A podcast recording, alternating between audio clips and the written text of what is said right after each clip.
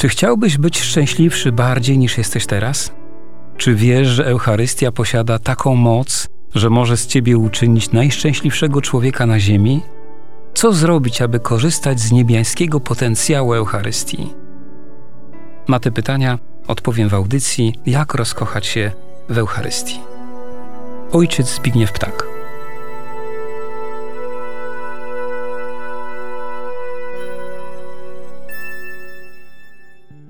Uroczystość zesłania Ducha Świętego modliliśmy się w liturgii Mszy Świętej podczas przygotowania darów modlitwą, która zawiera takie słowa: Panie nasz Boże, spraw, aby Duch Święty dał nam głębiej zrozumieć tajemnicę Eucharystii.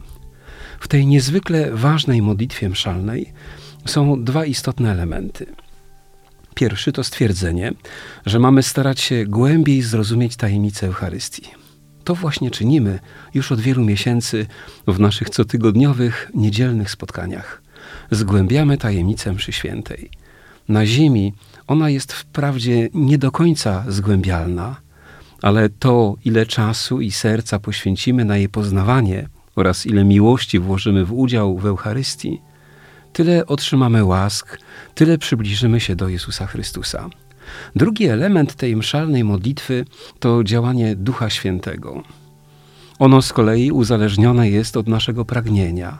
Im większe posiadamy w sobie pragnienie działania Ducha Świętego, im mocniej otworzymy nasze serca na Jego działanie, tym więcej ten Duch Święty będzie w nas działać. Rozwijajmy więc to pragnienie również przez modlitwę, którą teraz, jak co tydzień, z głęboką wiarą wypowiemy. Wszechmogący Boże, ofiarujemy Tobie krew Jezusa Chrystusa, krew wszystkich męczenników, cnoty i zasługi Jezusa, Maryi, Józefa i wszystkich świętych, w połączeniu ze wszystkimi myszami świętymi, do tej pory odprawianymi i tymi, które do końca dziejów będą jeszcze sprawowane, w intencji naszego zadziwienia się Eucharystią, w intencji naszej żarliwej miłości do Eucharystii, w intencji naszego głodu Eucharystii i w tej intencji, abyśmy nigdy nie ulegli rutynie. Amen. Błogosławię Was wszystkich w imię Ojca i Syna i Ducha Świętego. Amen. Przed tygodniem zakończyliśmy nasze rozważania nad modlitwą eucharystyczną. Jej ostatnim akordem jest wielka doksologia. Kapłan w dłoniach unosi ku niebu ciało Jezusa Chrystusa, znajdujące się na patenie, i jego krew znajdującą się w kielichu, i wypowiada słowa: Przez Chrystusa, z Chrystusem i w Chrystusie. Tobie, Boże Ojcze Wszechmogący, w jedności Ducha Świętego, wszelka cześć i chwała przez wszystkie wieki wieków. Amen. Słowa te to nie modlitwa, lecz wydarzenie. Wielkie wydarzenie uwielbiania Boga w Trójcy Świętej jedynego za to, co przed chwilą wydarzyło się na ołtarzu. Jest tu jednocześnie pokazana istota Eucharystii.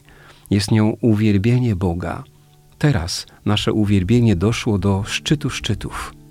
Potwierdzeniem ze strony wszystkich uczestników liturgii winno być teraz wielkie, mocne i głębokie Amen. Dzisiejszym spotkaniem rozpoczniemy kolejną dużą i wielką część mszy świętej, obrzędy Komunii Świętej. Rozpoczynają się one modlitwą Ojcze Nasz. Nauczanie Kościoła. W ogólnym wprowadzeniu do mszału rzymskiego w numerze 81 Kościół nas naucza – w modlitwie pańskiej prosimy o codzienny chleb, który kojarzy się chrześcijanom zwłaszcza z chlebem eucharystycznym, a także błagamy o odpuszczenie grzechów, aby prawdziwie święci przyjmowali święte dary. Kapłan wypowiada zachętę do modlitwy, wszyscy zaś wierni zanoszą modlitwę wraz z kapłanem. Rozwinięcie. Obrzędy Komunii Świętej rozpoczynają się od modlitwy pańskiej. W liturgii łacińskiej przed Soborem Watykańskim II tylko kapłan wypowiadał tę modlitwę. Uważa się tę modlitwę za najczcigodniejszą i najdoskonalszą ze wszystkich modlitw Kościoła.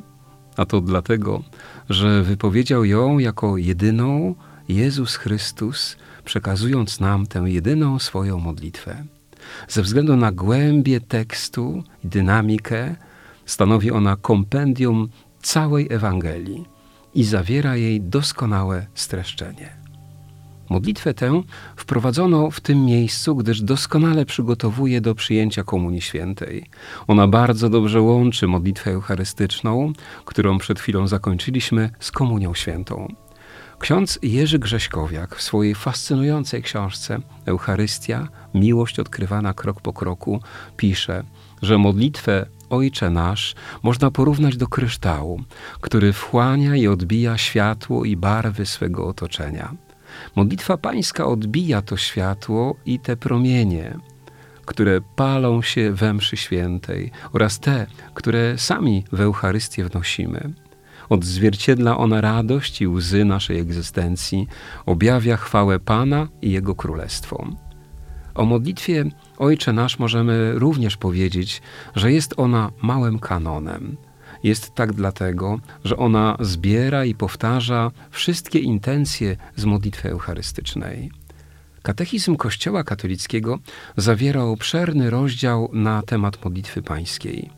Pozwolę sobie przytoczyć niektóre z głębokich myśli. Modlitwa Ojcze Nasz nie tylko uczy nas prosić, ale także kształtuje wszystkie nasze uczucia. Numer 2541. Jezus podaje nam nie tylko słowa naszej synowskiej modlitwy, ale równocześnie udziela nam ducha, aby stały się one w nas duchem i życiem. Modlitwa do naszego Ojca łączy się z misterium posłania Syna i Ducha. Numer 2766. Pan uczy nas modlić się wspólnie za wszystkich naszych braci. Nie mówi on Ojcze mój, któryś jest w niebie, lecz Ojcze nasz, aby nasza modlitwa była zanoszona w jednym duchu za całe ciało Kościoła. Numer 2768. Ojcze nasz streszcza wszystkie prośby i modlitwy wstawiennicze wyrażone w epiklezie, a z drugiej strony wyraża prośbę o wejście na ucztę królestwa. Numer 2770. I ostatnia myśl z katechizmu. Jest to modlitwa właściwa czasom ostatecznym, czasom zbawienia, które zostały zapoczątkowane wraz z wylaniem Ducha Świętego, a które zakończą się wraz z powrotem Pana. Numer 2771. Tyle z katechizmu. W modlitwie Ojcze Nasz kierujemy do Boga siedem próśb.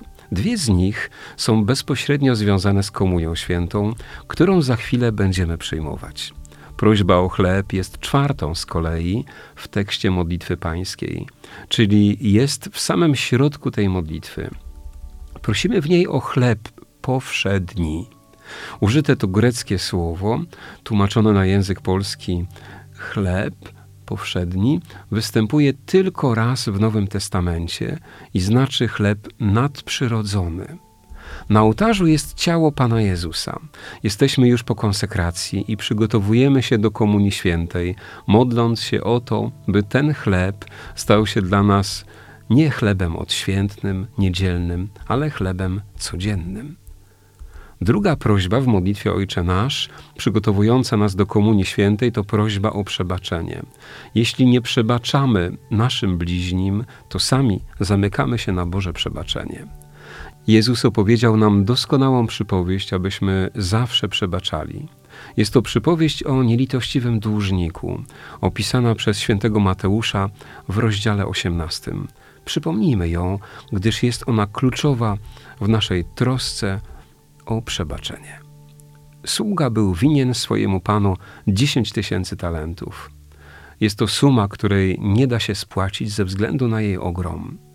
Pan podarował mu ten dług. Jednak człowiek, któremu darowano ogromną kwotę, próbuje odzyskać od swego pobratymca 100 denarów, które tamten jest mu winien.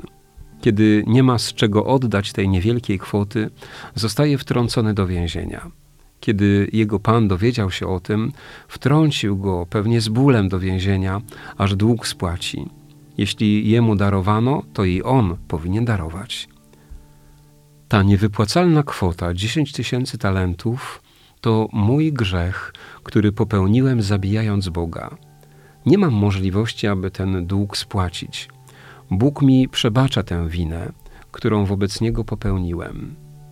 Jednak kiedy ktoś zrobi mi jakąś krzywdę, to ja dochodzę swojego i zachowuję się tak, jakbym zapomniał, że samemu Bogu uczyniłem nieskończenie razy większą krzywdę niż ta, którą mi uczyniono. Z tego właśnie powodu mam zawsze przebaczać.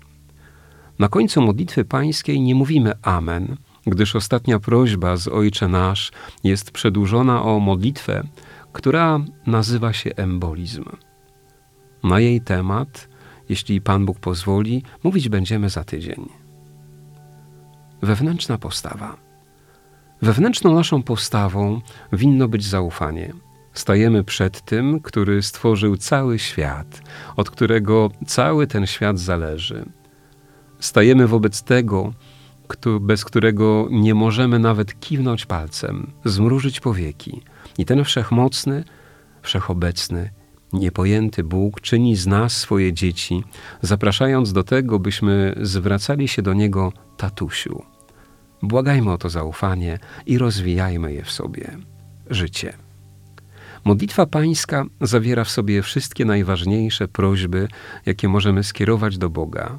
Ona winna uczyć nas tego, że wszystko mamy dzięki boskiej miłości. Powinna nas uczyć hierarchii próśb w zwracaniu się do Boga. W centrum tej modlitwy jest prośba o chleb, o którym już mówiliśmy, że chodzi przede wszystkim o chleb nadprzyrodzony. On jest w stanie wszystko w nas przeformatować z ludzkiego na Boże. Błogosławię Was w imię Ojca i Syna i Ducha Świętego. Amen.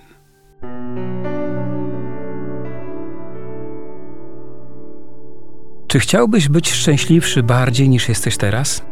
Czy wiesz, że Eucharystia posiada taką moc, że może z ciebie uczynić najszczęśliwszego człowieka na ziemi? Co zrobić, aby korzystać z niebiańskiego potencjału Eucharystii?